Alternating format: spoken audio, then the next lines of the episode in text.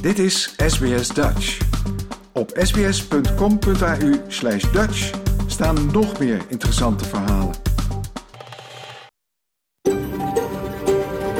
SBS, a world of difference. You're with SBS Dutch on mobile, online and on radio. Dit is SBS Dutch op mobiel, online en op radio. Graag erkennen wij de traditionele eigenaren van het land van waar we vandaag uitzenden. SBS Dutch betuigt daar respect aan de Camaragal mensen en hun ouderlingen uit het heden en het verleden. Ook erkennen we de traditionele eigenaren van alle Aboriginal en Torres Strait Islander landen van waar u vandaag naar ons programma luistert. Een hele goede morgen. Mijn naam is Paulien Roesink. Het is woensdag 5 juli 2023 en u luistert naar SBS Dutch, het Nederlandstalige radioprogramma van SBS. Afgelopen zaterdag is het nieuwe financiële jaar van start gegaan en daarom praten we vandaag met belastingexpert Marlena Smit. Want een nieuw financieel jaar betekent ook dat u binnenkort aangifte inkomstenbelasting moet doen. Verder een gesprek met Graham Cox, de schrijver van het boek Through Darkest Seas, over de replica van het VOC-schip De Duifke. En u kunt kennis maken met de nieuwe Nederlandse consul en plaatsvervangend consul-generaal in Sydney, Meike de Jong. Dat en fijne muziek van Nederlandse bodem allemaal straks, maar nu eerst onze nieuwsflits.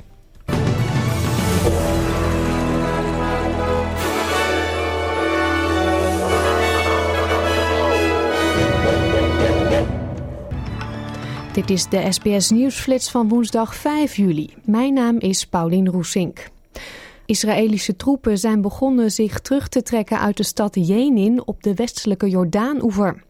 De afgelopen dagen vond daar een grootschalige militaire operatie plaats, waarbij 12 Palestijnen werden gedood en nog eens 100 mensen gewond raakten. De operatie, die volgens het leger gericht was op het vernietigen van infrastructuur en wapens van militante groeperingen in het kamp, ging in de vroege uren van maandag van start met een droneaanval. Ook werden er meer dan duizend troepen ingezet. De federale regering heeft onthuld dat de Voice to Parliament zal worden gevraagd om advies te geven over vier belangrijke indigenous beleidsterreinen als het referendum later dit jaar succesvol is. Minister van Indigenous Australians Linda Burney spreekt later vandaag in de National Press Club in Canberra en zal naar verwachting bekendmaken dat zaken op het gebied van gezondheid, onderwijs, banen en huisvesting prioriteit zullen hebben. De oppositie roept de regering op om er alles aan te doen om ervoor te zorgen dat de rentetarieven niet blijven stijgen. Volgens de oppositie is de druk op de kosten van levensonderhoud voor huishoudens al te hoog. Gisteren maakte de Reserve Bank of Australia, de Australische Centrale Bank, bekend de rentetarieven te pauzeren op 4,1 procent. Maar RBA-gouverneur Philip Lowe sloot verdere renteverhogingen in de toekomst niet uit. Een schutter in een kogelvrij vest heeft het vuur geopend in de straten van Philadelphia, zo zegt de plaatselijke politie. Vier mensen zijn gedood en twee jongens raakten gewond voordat de man zich overgaf. In verschillende delen van de stad zijn tientallen gebruikte patroonhulzen gevonden. De Amerikaanse president Joe Biden heeft opnieuw een oproep gedaan om de wapenwet te herzien. In Parijs zijn de burgemeesters van 220 Franse steden in het hele land bijeengekomen om te praten over de recente geweldsuitbarsting nadat een 17-jarige jongen in Nanterre tijdens een verkeerscontrole werd doodgeschoten door een politieagent. De bijeenkomst werd gehouden één dag nadat menigte zich hadden verzameld bij gemeentehuizen in heel Frankrijk om solidariteit te tonen met lokale overheden die het doelwit waren van zes nachten van geweld. En de 31 NAVO-landen hebben gezamenlijk besloten dat Jens Stoltenberg nog een jaar aanblijft als secretaris-generaal. Stoltenberg, die eerder de premier van Noorwegen was, bekleedt de functie al sinds 2014. En tot zover deze nieuwsflits. Volg de SBS Dutch podcast voor meer nieuws en achtergronden of bezoek onze website www.sbs.com.au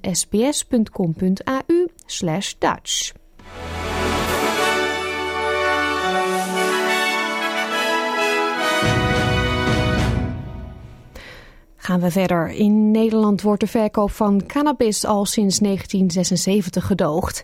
Hier in Australië ligt dat anders. Maar de discussie omtrent de drugs laait weer op. Experts zeggen dat de decriminalisering van marihuana essentieel is om rassendiscriminatie te voorkomen en tegelijkertijd de politie te beschermen. Maar er moet wel een duidelijk onderscheid worden gemaakt tussen decriminalisering en legalisering. Sommige parlementsleden vinden deze aanpak niet ver genoeg gaan, terwijl wetshandhavers zeggen dat het te losjes is. Dit is SBS Dutch. Politie, politici en experts op het gebied van illegale drugs buigen zich over het hernieuwde debat over de legalisering van marihuana in Australië. Sommige experts zeggen dat decriminalisering van cannabis moet worden overwogen. Alison Ritter is de directeur van het Drug Policy Modeling Program van de University of New South Wales. Ze zegt dat er een belangrijk onderscheid moet worden gemaakt tussen legalisatie en decriminalisering.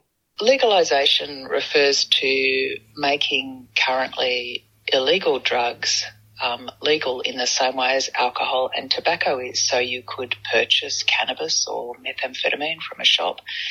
There are likely to be regulations around age of purchase and there might be licensing requirements. So legalization refers to the legal supply and use of drugs.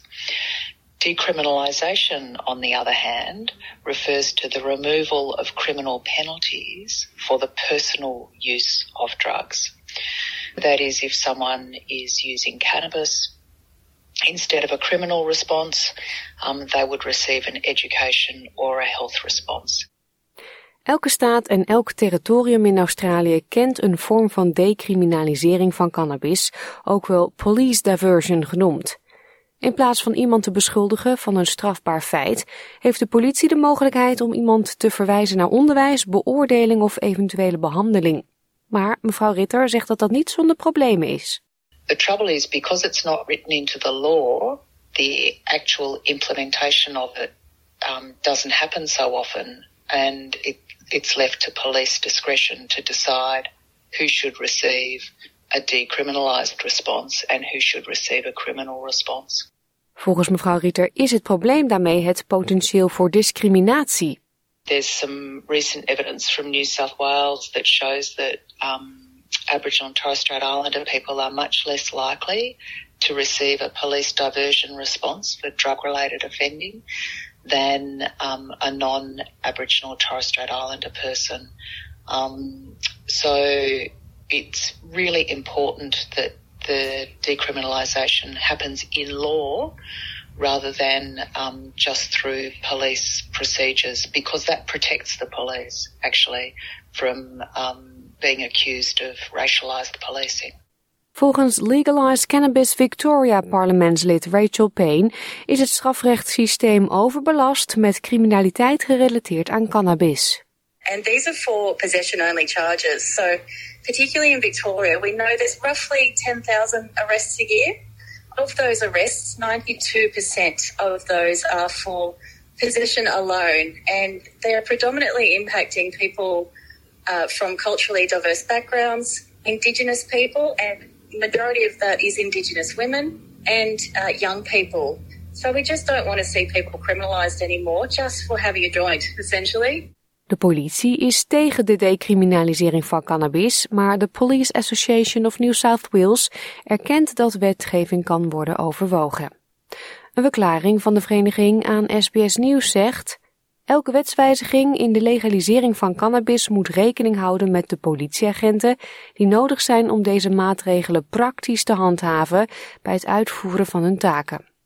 Ook zegt het, In addressing this, our submission to the recent parliamentary inquiry put forward two recommendations relating to cannabis supply, possession, and use that it be legalised and properly regulated by the government or remain a criminal offence. If cannabis were to be legalised, it must be regulated similarly to alcohol and managed with several preconditions and the appropriate infrastructure implemented to reduce the risk of harm to frontline workers and members of the community. Mevrouw Payne zegt dat decriminalisering slechts de eerste stap is, omdat het geen betrekking heeft op de regulering rond het product. De partij heeft een gezamenlijk wetsvoorstel voor particuliere leden ingediend in parlementen in drie Australische rechtsgebieden. We've introduced a bill uh, to the Victorian Parliament, and New South Wales and Western Australia have also mirrored this bill, which is looking at the first stage of regulation of cannabis. So that would be for um, removing the criminalisation, or you know, as some people would refer to it as decriminalisation. And what that means is that it's no longer a criminal offence to possess cannabis. Um, we're also encouraging that people are able to grow a small amount of cannabis for personal use um, and be able to gift that cannabis to um, other people, other adults. De partij roept op tot de financiering van anti-lastercampagnes en onderwijs, een einde aan inheemse houtkap, financiering voor drugsbehandeling en rehabilitatiediensten, endometriosepatiënten en verbetering bij de drugsrechtbanken. Sommige Australische staten en territoria zijn verder vooruit dan andere als het gaat om cannabiswetten. Mevrouw Ritter zegt dat New South Wales het verst achterloopt, terwijl de ACT het verst vooraan staat. Daar mogen mensen cannabisplanten kweken en een kleine hoeveelheid voor eigen consumptie in bezit hebben. Zuid-Australië heeft een op boetes gebaseerd systeem. Mevrouw Ritter zegt dat het uiteindelijke doel van decriminalisering is om stigmatisering te verminderen en de kans te vergroten dat iemand zich voor beoordeling of behandeling zal melden. So decriminalisation doesn't reduce drug use. It doesn't increase drug use, more importantly, which is what most people worry about. And it's incredibly costly to process these kind of very minor drug use offences through the criminal justice system. Um, a significant amount of money could be saved if people were redirected towards education and possibly treatment. Dit verhaal werd geproduceerd door Hannah Kwon voor SBS Nieuws en door SBS Dutch vertaald in het Nederlands. Straks vertelt Graham Cox over zijn boek Through Darkest Seas, waarin hij onder meer verhalen vertelt over de bouw van de Duifken-replica. With the ship leaving Fremantle, it was just the time to take stock and say what really happened to build Difkin. You know, what the great stories were being lost. And I thought, no, I've been there since day one. I bid farewell to the ship many times, but now she's in Sydney, which is great because she's being looked after over there. But um, I didn't want those stories to be lost. It's an epic story, the story of the, the Difkin replicas. I just wanted to tell the story, I think. Ja, dat dus later. Net als een kennismakingsinterview met consul Meike de Jong. Nu eerst. Op 1 juli is het nieuwe financiële jaar begonnen en dus is het tijd om je aangifte inkomstenbelasting in te dienen. Vorige week sprak ik met Marlena Smit van Taxably Accountants, expert op het gebied van zowel het Australische als Nederlandse belastingrecht. En ze zei dat het verstandig is om nog heel even te wachten met het doen van aangifte. Ook vertelde ze dat dit jaar de focuspunten zijn wat dit jaar de focuspunten zijn van de ATO en de Nederlandse Belastingdienst. Die richt zich op huizenbezitters die in het buitenland wonen. Jouw gemeenschap, jouw gesprek, SBS Dutch. Marlena, jouw advies luidt niet te snel aangifte doen. Waarom is dat? Uh, ieder jaar uh, geeft de ETO het advies om niet te snel aangifte te doen. Dat heeft de reden dat um, er een data matching procedure op de achtergrond speelt. En de ETO die deelt natuurlijk data met um, Department of Immigration, met Department of Human Services en andere afdelingen. Maar ze krijgen ook internationaal heel veel informatie binnen. Ze krijgen informatie binnen van banken, financiële bedrijven, van werkgevers. Dus er komt aan alle kanten informatie binnen in deze periode.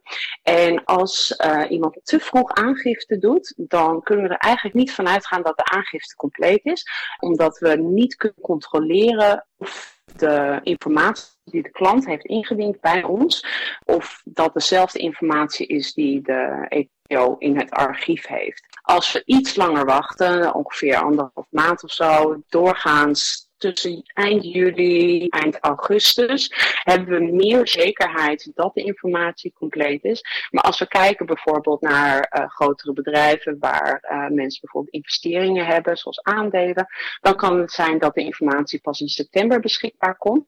En als je dan te vroeg aangifte moet doen, dan kan het of zijn dat je verplicht bent om een correctie in te dienen, of de ETO doet een controle en uh, doet dan een automatische correctie van je aangifte.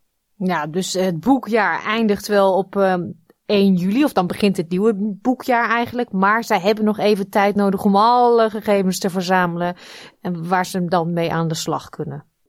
Ja, en sowieso moeten we ook rekening houden met het feit dat de kwartaalaangifte voor bedrijven voor uh, het vierde kwartaal, dat die pas eind augustus, 28 augustus, uiterlijk ingediend moeten zijn.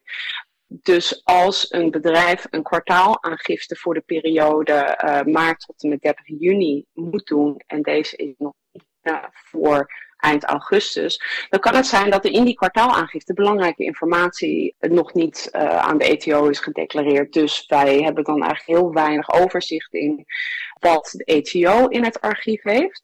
En wij zijn wel verplicht om te kijken naar hè, wat dient de klant in en wat heeft de ETO in het archief. Dat helpt natuurlijk ook met het uh, verminderen van het risico van een controle.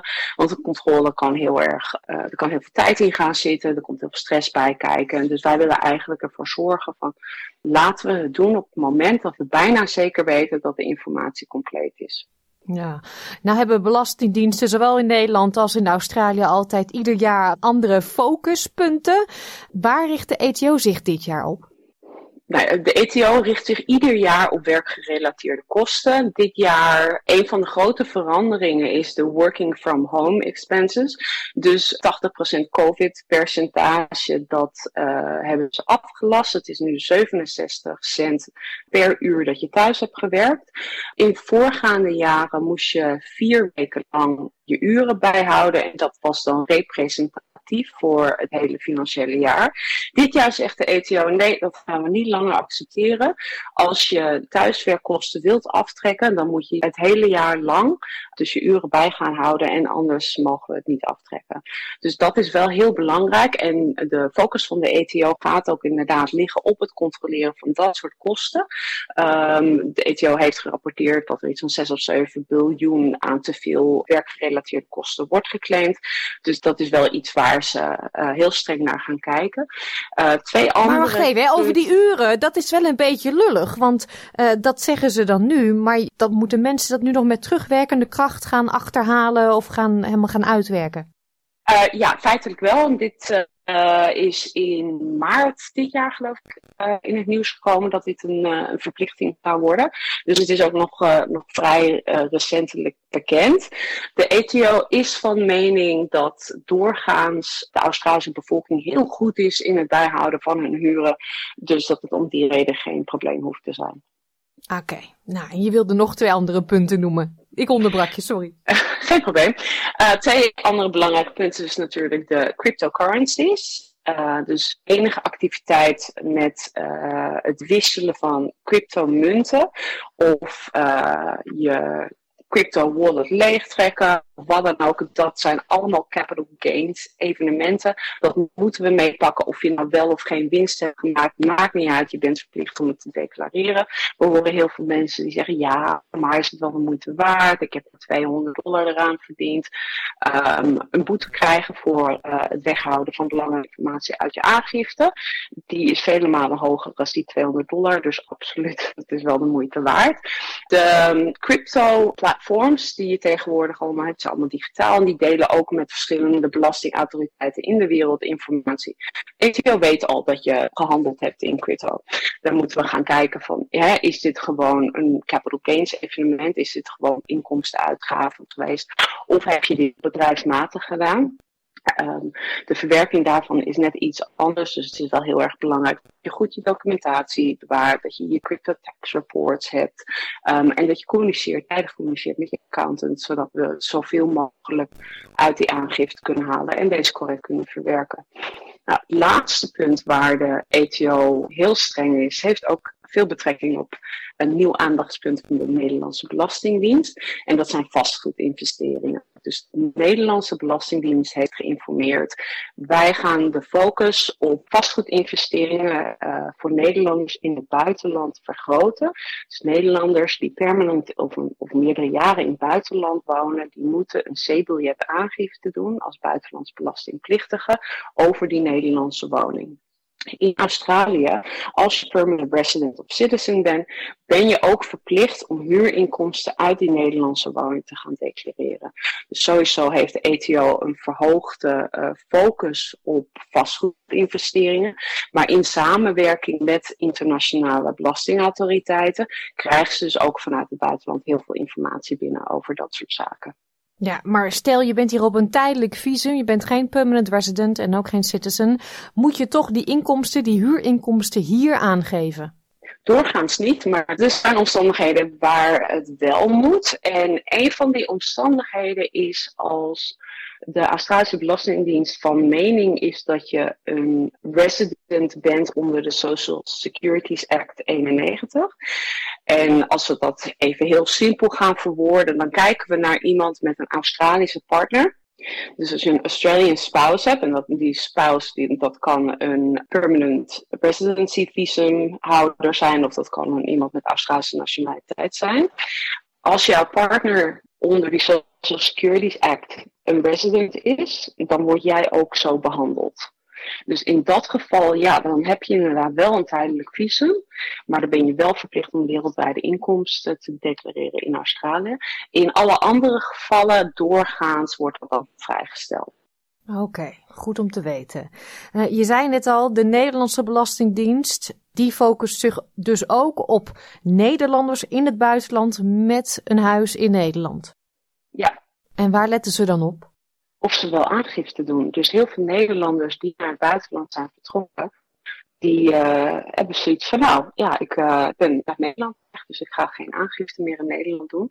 Onder het belastingverdrag heeft Nederland het eerste recht op het belasten van vastgoed wat in Nederland aanwezig is. En dan kan het andere land, en Australië in dit geval, kan ook zeggen van nou ja, wij mogen dat openlasten. En of Australië dat doet, dat is dan afhankelijk hè, van die resident status, waar we het eerder over hebben gehad. Maar Nederland heeft het eerste recht. Dus doorgaans als iemand vanuit Nederland naar Australië of naar een ander land verhuist, en die heeft bijvoorbeeld een eigen woning in Nederland, die gaat hij daarna verhuren, dan verhuist die eigen woning van box 1 naar box 3. Dus dan kijken we naar een waardebelasting.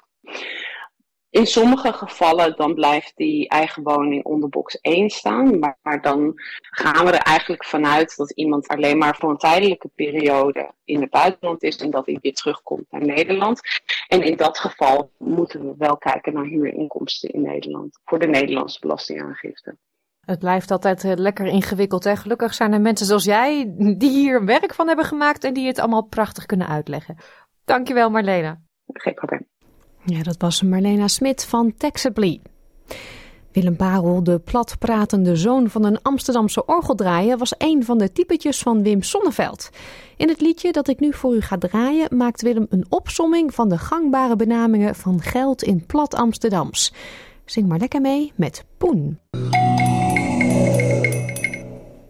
Graham Cox was van het begin tot het einde betrokken bij de bouw van de replica van het VOC-schip De Duifke in Fremantle, WA en de daaropvolgende avonturen. Het schip is inmiddels verhuisd naar Sydney en de stichting die verantwoordelijk was voor de bouw is opgedoekt. Voor Graham een mooi moment om een boek te schrijven. Through Darkest Seas werd afgelopen zondag gepresenteerd en gisteren sprak ik hem. SBS Dutch, woensdag en zaterdag om 11 uur ochtends of online op elk gewenst tijdstip.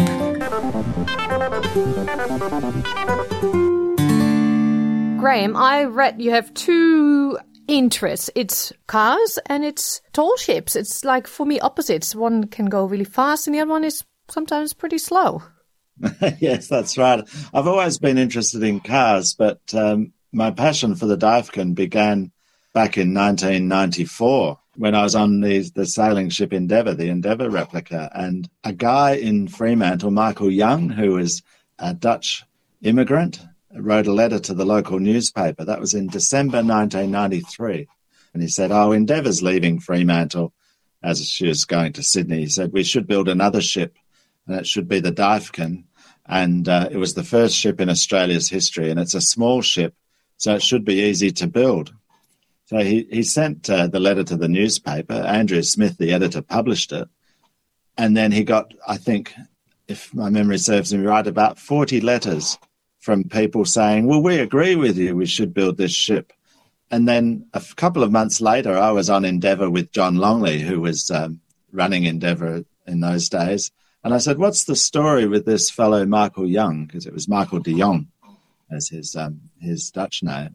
And he said, Oh, yeah, he's really keen. He needs a bit of marketing help. You should give him a ring. So I turned up a few weeks later at uh, Michael and Janine Young's house in Fortescue Street in East Fremantle had Dutch cinnamon biscuits and coffee, and there were a group of us, and we decided to build the ship. And uh, so, what's that? Thirty years later, um, I've written a book about it. Yeah, about the whole process of building it and the big voyages it made. Yes, yeah, they're all in there.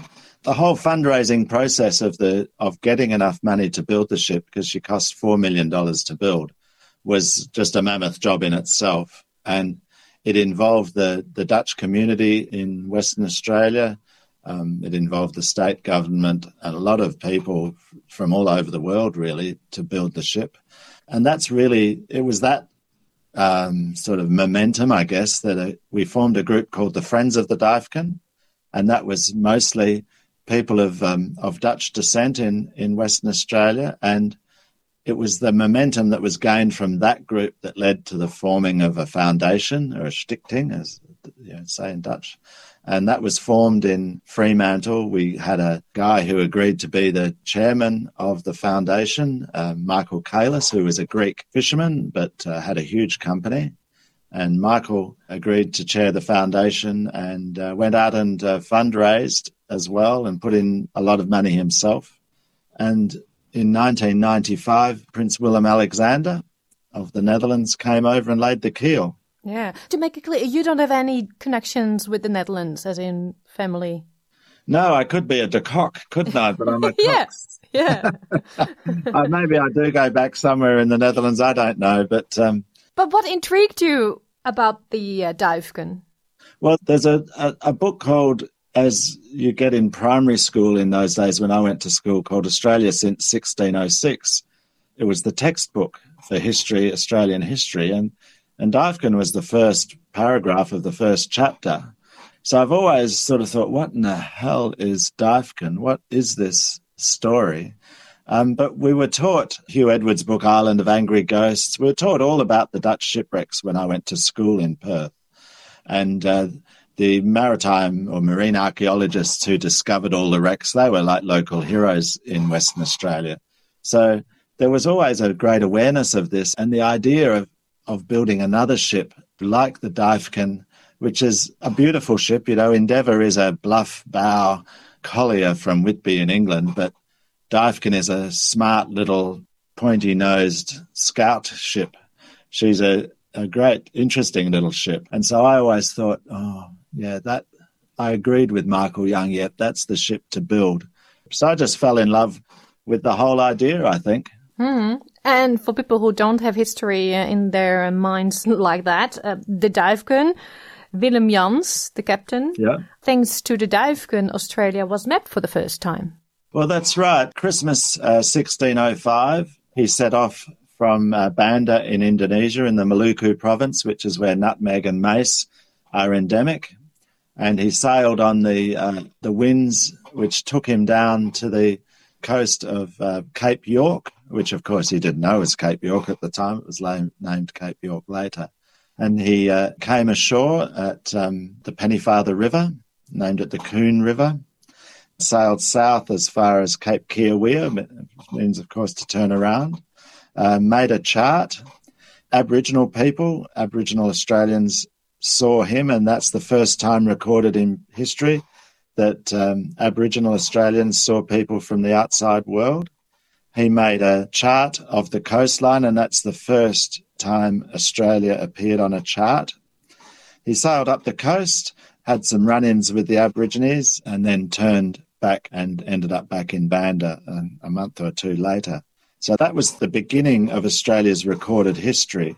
And in the next 164 years, before Lieutenant James Cook sailed up the east coast of Australia, there was something like Uh, 46 voyages of exploration to Australia by the Dutch. So Dyfken, William Jans, they began the outside world knowledge of Australia. And of course, the people living in Australia already, the Aboriginal people and the Torres Strait Islanders, they knew that Australia was here. So Willem Jans didn't discover Australia, but he explored Australia and he recorded it on a map for the first time. So really, it's the start of Australia's modern history in that sense. Mm. Yeah.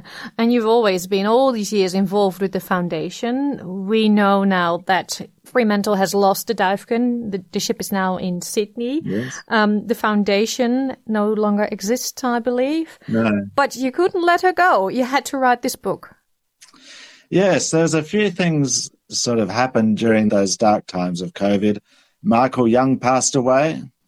There were other members of the foundation that were no longer with us. Some people got sick. And I thought with the ship leaving Fremantle, it was just the time to take stock and say what really happened to build Dyfken. You know, what the great stories were being lost. And I thought, no, I've been there since day one. I bid farewell to the ship many times, but now she's in Sydney, which is great because she's being looked after over there. But um, I didn't want those stories to be lost. You know, we, we went on two great voyages we went broke four times. I think I was trying to count it up on the night of the book launch, and I think we went broke at least four times when I was running the ship. Um, it's an epic story, the story of the, the Dyfken replicas. I just wanted to tell the story, I think. Hmm. And what can people read in your book? Well, they they read from that first meeting over coffee and cinnamon biscuits. They read about the bringing together the people, about getting the materials from Latvia. Um, Behind the scenes, actually. Yeah, the book is what really happened. There's whatever happens with ships. Ships are romantic objects, and people tell stories, and they they dream of ships. And uh, to be honest, people make things up. you know, the stories are embellished. And I thought, no, this is what really happened, and I was there, so I know because I was involved in pretty much every aspect of of Dyfken for twenty years. So um, I was the project director of the voyages to Indonesia and the voyage from Sydney to Texel um, and to Amsterdam. Were you on board? No, I wasn't aboard. I I was aboard for little bits. I'm a hopeless, hopeless sailor. Um, so, so they kicked you out. yeah, I was a liability, but I'm very good at organizing things. So I organized the voyages, organized the fundraising. I was in charge of the captain and the ship. Um, they all worked for me. I would uh, go to the ports before the ship arrived, um, welcome the ship to the port, do all of the arrangements, and then when the ship left, I would go and uh, and tie up all the loose ends, which happens when ships leave ports. So um, I was intimately involved. And then when the ship arrived in the Netherlands in 2002 for our summer exhibition tour for the 400th anniversary of the Dutch East India Company, I was on board the ship for most of that time and then arranged to bring the ship back to Fremantle in the end of 2002. The book is mostly about the building of the ship and those two incredible voyages. The one to Indonesia during the, the civil war in Indonesia, which is a miracle, really, that it ever happened. And then the voyage from Sydney, which took a year. So we sailed from Sydney through Torres Strait up to Jakarta, then uh, through Krakatoa, what's left of Krakatoa, out to Sri Lanka, to Galle in southern Sri Lanka, then down to Rodrigues Island and Mauritius, down to Cape Town, basically following the Brouwer route, which all of the ships followed back in uh, VOC times, and then up through the Atlantic to uh, the Azores, and then from the Azores for the short hop, which ended up not being a short hop, to the Netherlands. We found that the voyages of 400 years ago were tough, and it was pretty tough for our modern crew to survive on the ship for maybe 50 days at sea, with um, you know living 18 people living on a ship, you know the size of a two-car garage, and having technology, knowing about the weather, etc. Yes, well, we understood the way the the Dutch navigators would see seaweed, they'd see seabirds, they'd take soundings to to see the color of the ocean floor, all of those sort of things that they did to find their way across the oceans. Um, Way more connected to the nature. Eh? Yeah, they were. They were totally connected, and um, they would know if they if they got some mud on the on the sounding rock that they put overboard and pulled it up and it was muddy. They knew that. Well, that probably means that we're if we sail somewhere, there's a river nearby because the mud comes out of rivers. If there's um, you know seaweed floating, then that means maybe you're near reefs or something. You know, there was all sorts of things that they understood, and the and the direction of the winds and the change in in wind pressure, you know, or air pressure. They understood all of those things. They were totally in tune because it meant survival. And we came to understand those elements and the fact that the Duyfken only has a small freezer and that fresh food runs out after about four days. And from then on, you're surviving on tins and dried food. And so the voyages were tough on the crews. You know, it wasn't like a modern um, luxury liner where you could have lobster every night. no, not at all. you had your book launch uh, on Sunday. Yes. How did people respond to the book? The response was absolutely amazing, and um, we invited a lot of the people who've been with Duyfken back in the very early days, and and it was a fairly emotional night, I think, for me because I saw a lot of the people that have come through the Duyfken story, and there were even people who, you know, three of us one, two, three, no, four of us who were at the original meeting of eight people in, it would have been March or April 1994. Um, Nonna, unfortunately, as would have been five, but he passed away last week. So that there were people there who actually had the dream of the Duyfken way back in when we first started it, and we're still friends. We can still have a laugh um, and have a joke about the things that happened back in those days. And it's just, I don't know whether we'll all get together ever again. You know, no. But we did, so it's good. what is your warmest memory when you think about those 20 years working together, building the replica, the adventure? Oh, wow. Um, I've never been asked for the warmest memory because sometimes we're pretty tough on the Duyfken. Um, my most gobsmacking moment, I guess, was um, when we were in Banda in Indonesia. We were there during the wet season, so it would rain for three or four hours a day. I had a lot of work to do, and when I got sick of talking to people, I'd just walk up the side of the hill in Banda, and the ship was in the enclosed bay, the anchorage in Banda, and I was just walking along a road, and um, the sun came out, and you know, Banda's covered in palm trees, and just between the palm trees, suddenly there was the ship. And I thought, holy hell, it's 400 years ago, I'm there again. And it's those sorts of experiences that you have with, with Duyfken when she's in places where she was originally. They're a bit spooky, to be honest.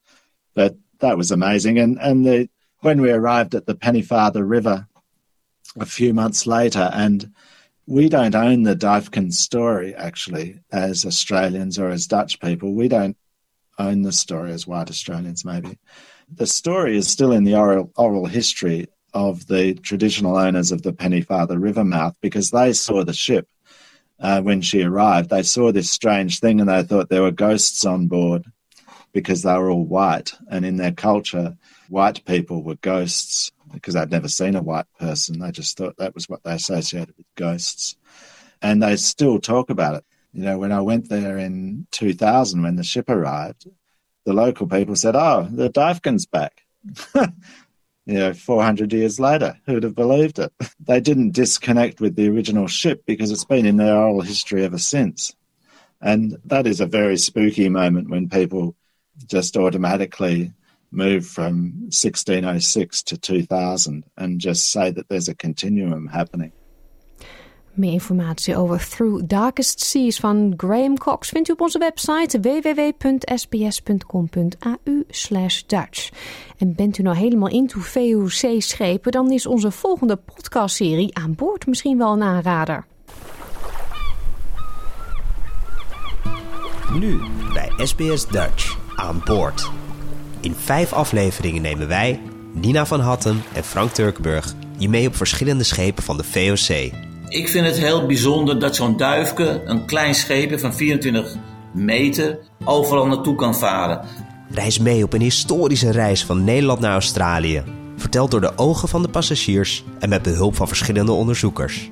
Maar hoe dicht je bij de kust van Australië terecht kwam, hoe risicovoller het ook was. De laatste twee keren dat we daar waren, hebben we vrij veel nieuwe skeletten gevonden.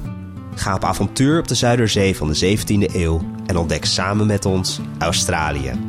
Nu bij SBS Dutch.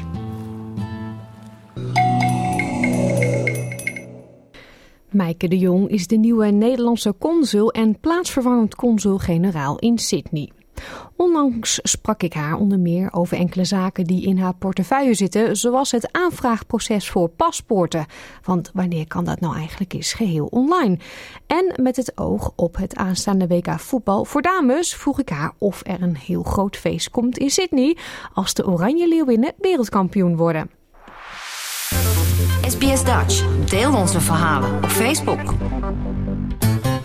Mijke, jij bent hier de consul in Sydney, alweer bijna een jaar. We hebben afgesproken om elkaar aan te spreken met je en niet de uwe. Ehm, wil je iets vertellen over jezelf? Waar zat je bijvoorbeeld voordat je naar Sydney kwam? Ja, zeker. Ja, ik heb een uh, consulaire immigratieachtergrond. Dus ik ben mijn loopbaan begonnen bij de Immigratie- en Naturalisatiedienst in Nederland. En vervolgens ben ik in 2006 begonnen bij het ministerie van Buitenlandse Zaken. En ik heb gewerkt op de Nederlandse ambassades in Kiev, in Oekraïne, Accra, Ghana en Londen, Verenigd Koninkrijk. En daarna heb ik nog zeven jaar gewerkt op het ministerie van Buitenlandse Zaken in Nederland. En nu ben ik dus uh, in Sydney. Ja, is dat dan uh, iets wat onverwachts kwam? Dat je in één keer uh, gevraagd werd, wil je naar Sydney toe? Of hoe werkt dat? Ja, tegenwoordig uh, kun je zelf solliciteren. Dus je kunt zelf kiezen of je in Nederland wilt blijven of toch in het buitenland werkzaam wilt zijn. En uh, ja, wij vonden het na zeven jaar wel weer eens tijd om, uh, om naar het buitenland te vertrekken. Uh, dus toen ik de vacature voor Sydney zag, werd ik meteen enthousiast en heb ik gesolliciteerd. Ja, en wat trok je dan aan Australië? ik heb ook wel heel erg gekeken naar de functie. Dus ik laat me niet alleen leiden door een prachtig land. Dus wat ik leuk vind aan, aan het werken in Sydney op een consulaat-generaal, is dat je met een klein team heel veel verschillende werkzaamheden doet. Ik uh, hou bijvoorbeeld bezig met consulaire zaken, met intern management, maar ook uh, met economische samenwerking. En daarbij is het natuurlijk een, prachtig land om te ontdekken. Uh, een westers land en ook een, een land waar tieners, want ik ben hier met twee tieners, op een leuke manier kunnen opgroeien. Ja, wat is je indruk zo ver en ook van de Nederlandse community in Australië? Is die heel anders dan de Nederlanders in Nederland? Ik denk wel dat er altijd verschil zit tussen Nederlanders in Nederland en Nederlanders in het buitenland. Uh, wat je sowieso natuurlijk merkt is dat Nederlanders in het buitenland leuk vinden om elkaar op te zoeken. Uh, en ervaringen uit te wisselen. En dat, dat dat sowieso al een saamhorigheid creëert. En een klik genereert vaak, hè, als je elkaar ontmoet in het buitenland. Uh, maar ja, wij, wij vinden het hier fantastisch. wij wonen zelf midden in CBD op de 36e verdieping. Prachtig uitzicht over de stad. We gaan er veel op uit ja, mijn kinderen gaan naar een Australische school, dus we komen ook veel in aanraking met de Australische cultuur. En uh, ja, toch wel community cultuur, ook rondom school en sport, waar we onderdeel van uitmaken. En um, daarbij hebben we ook al veel Nederlanders ontmoet, maar ook uh, rondom Koningsdag natuurlijk. Het Koningsdagfeest was fantastisch in Sydney. Hmm. Wanneer kunnen Nederlanders aankloppen eigenlijk bij een consul of bij het consulaat? Ja, voor consulaire diensten kunnen Nederlanders in eerste instantie een afspraak maken met uh, mijn collega's van de consulaire afdeling. Zelf leid ik vaak optieceremonies. Dat zijn ceremonies waarbij mensen het Nederlanderschap verkrijgen. Ik ga vaak ook mee naar, uh, naar steden als Perth en Melbourne uh, voor monitoringsbezoeken van onze externe dienstverleners. Dan ga ik ook altijd graag in gesprek met Nederlandse klanten om van hen te horen hoe ze onze dienstverlening ervaren. En naast consul ben ik ook plaatsvervangend consul-generaal en onderdeel van het economisch team. Uh, dus nodigen voorzitters van Nederlandse verenigingen bijvoorbeeld graag uit om uh, op de koffie te komen. Uh, maar ook Nederlandse bedrijven die met ons van gedachten willen wisselen over de economische ontwikkelingen of kansen in Australië. Die zijn ook van harte welkom op het consulaat. Ja, dus veelal bedrijven. Nou, zijn de paspoortaanvragen ook iets wat, uh, wat in jouw portefeuille zit, hè? waar jij je mee bezighoudt, waar je verantwoordelijk voor bent. Um, een opmerking die ik natuurlijk vaak voorbij zie komen is. Um, uh, we kunnen het consulaat niet bereiken. Want we hebben vragen, we moeten iets verlengen of zo. Hè? Maar ik kan geen telefoonnummer vinden, want als ik ze bel, kom ik in Nederland uit. Waarom is dat eigenlijk? Ja, in 2005 is er een 24-7 contact center opgericht op het ministerie van Buitenlandse Zaken in Den Haag. Dat is eigenlijk om de dienstverlening bereikbaarheid te ver verbeteren. Want voorheen kon je misschien een paar uurtjes per dag het consulaat bereiken. En nu kunnen Nederlanders wereldwijd 24 uur per dag, 7 dagen per week bellen met dit contactcenter.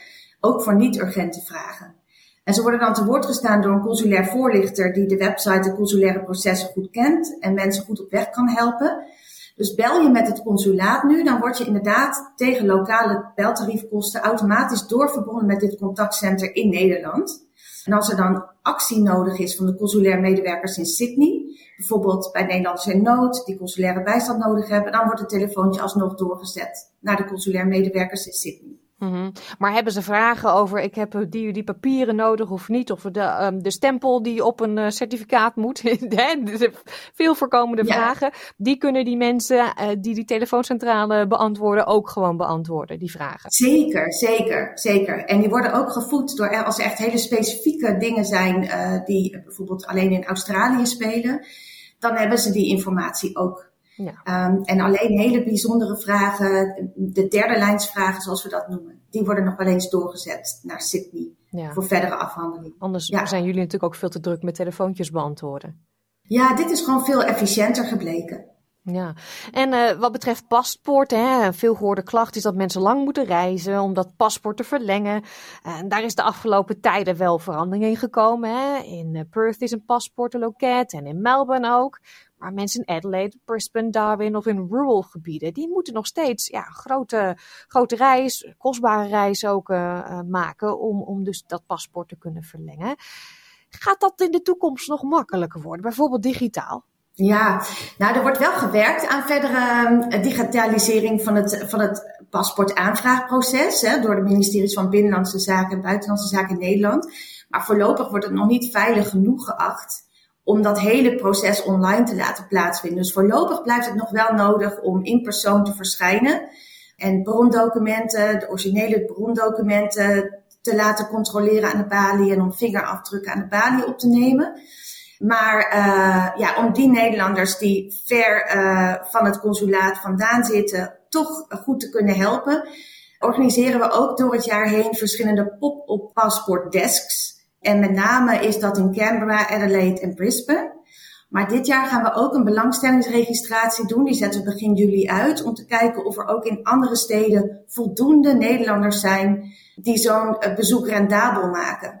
Dus als er voldoende Nederlanders zijn in andere steden, dan kunnen we daar ook naar kijken. Nou, dat is natuurlijk een mooi nieuws. Dan moeten mensen wel wat zich laten horen. ja, ze kunnen zich registreren voor de informatieservice op onze website. En onze Facebookpagina goed in de gaten houden. Want als we op reis gaan met het aanvraagstation, hè, dus als we die pop-up passport desks organiseren, dan kondigen we dat altijd aan op Facebook. Het staat ook altijd op onze website. Ongeveer zes weken van tevoren doen we dat meestal. En dan, als je dan op de uh, informatieservice geabonneerd bent, dan kun je daar ook automatisch een bericht van ontvangen. En eens even kijken wanneer we dit jaar weer komen. Uh, dat hier op rij heb. We komen in ieder geval dit jaar zeker nog een keer in, um, in Adelaide en Brisbane. Dus ik zou zeggen, hou, um, hou de informatie goed in de gaten. Ja, hou die site inderdaad goed in de gaten. En ik zal ook linkjes op onze website www.sbs.com.au Dutch zetten. Zodat mensen makkelijk de website kunnen vinden en de Facebookpagina. Nou komt er binnenkort een groot evenement naar Australië en Nieuw-Zeeland, het WK voetbal voor vrouwen. Gaan jullie daar nog wat mee doen? Ja, we hebben uh, onlangs twee nieuwe kanalen gelanceerd. Een nieuwe Facebookpagina, Orange Fans All slash Nieuw-Zeeland. Dus misschien kun je die link ook op de website vermelden. En een Instagram page. En uh, daarin uh, proberen we alle Nederlanders in Australië en Nieuw-Zeeland te informeren over um, ja, events uh, waar Nederlanders ook uh, aan deel kunnen nemen. Nou, de groepswedstrijden vinden plaats in Nieuw-Zeeland. En we hopen natuurlijk dat de Oranje Leeuwinnen het heel goed gaan doen en dat ze daarna hun wedstrijden in Australië komen spelen. Dus de, de eerste wedstrijd in Australië zou dan zijn op 6 augustus. Als ze winnaar worden van hun pool, dan wordt dat Sydney. En als ze runner-up worden, dan wordt dat Melbourne. Verder uh, zijn er nog, ja, eventueel op 19 augustus, voor, voor derde plaats wordt er gespeeld in Brisbane.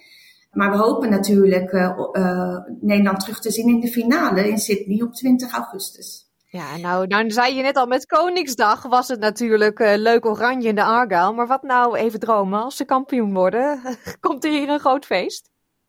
Nou, dat denk ik wel. Kijk, um, we houden ook nauw contact met de KNVB. Um, ehm, FIFA die heeft ook uh, diverse fanlocaties ingericht. Maar we zullen zeker ons best gaan doen om dan met zoveel mogelijk uh, oranje uh, fans bijeen te komen. Om die oranje piek te gaan maken. Om de Leeuwinnen aan te moedigen, maar zeker ook een feestje te vieren als ze winnen. Ja, nou, dat hebben we nu allemaal opgeschreven. Daar houden we je dan aan. Hartstikke leuk. Eén jaar van de vier dat je in uh, Australië gestationeerd gaat zijn, is alweer voorbij, bijna. Ja. Uh, wat is nog uh, het doel voor de komende drie jaar? Ja, het doel is sowieso om, om te kijken hoe we de dienstverlening gewoon blijvend kunnen verbeteren. Dus de dienstverlening voor um, consulaire klanten, voor Nederlanders in het buitenland, maar ook voor, voor bedrijven. Dus um, daar werken we aan. En um, ja, ik zie ernaar uit om, uh, om hier nog een langere tijd uh, werkzaam te blijven. Dankjewel, Maaike de Jong, consul in Sydney. En hiermee komen we aan het einde van deze uitzending van SBS Dutch. Ik noemde het net al, onze website www.sbs.com.au Dutch. Daar vindt u de links die we zojuist noemden en daar kunt u ook al onze andere verhalen en interviews terugluisteren. Ja, we zijn ook te vinden op Facebook. Dan moet ik even goed kijken dat ik de goede link geef. www.facebook.com sbsdutch. Geef ons daar een like en reageer op onze onderwerpen, want dat is altijd leuk om te zien. En wilt u onze uitzending dus terugluisteren, dan is er nog een optie naast de website. Download de SBS Audio app. Deze is gratis te downloaden in de App Store of Google Play. We sluiten vandaag af met een heerlijk oud nummer, vind ik tenminste. Little Green Bag van de George Baker Selection. Even lekker rockend deze uitzending afsluiten. Ik wens u een hele fijne middag en hopelijk tot zaterdag.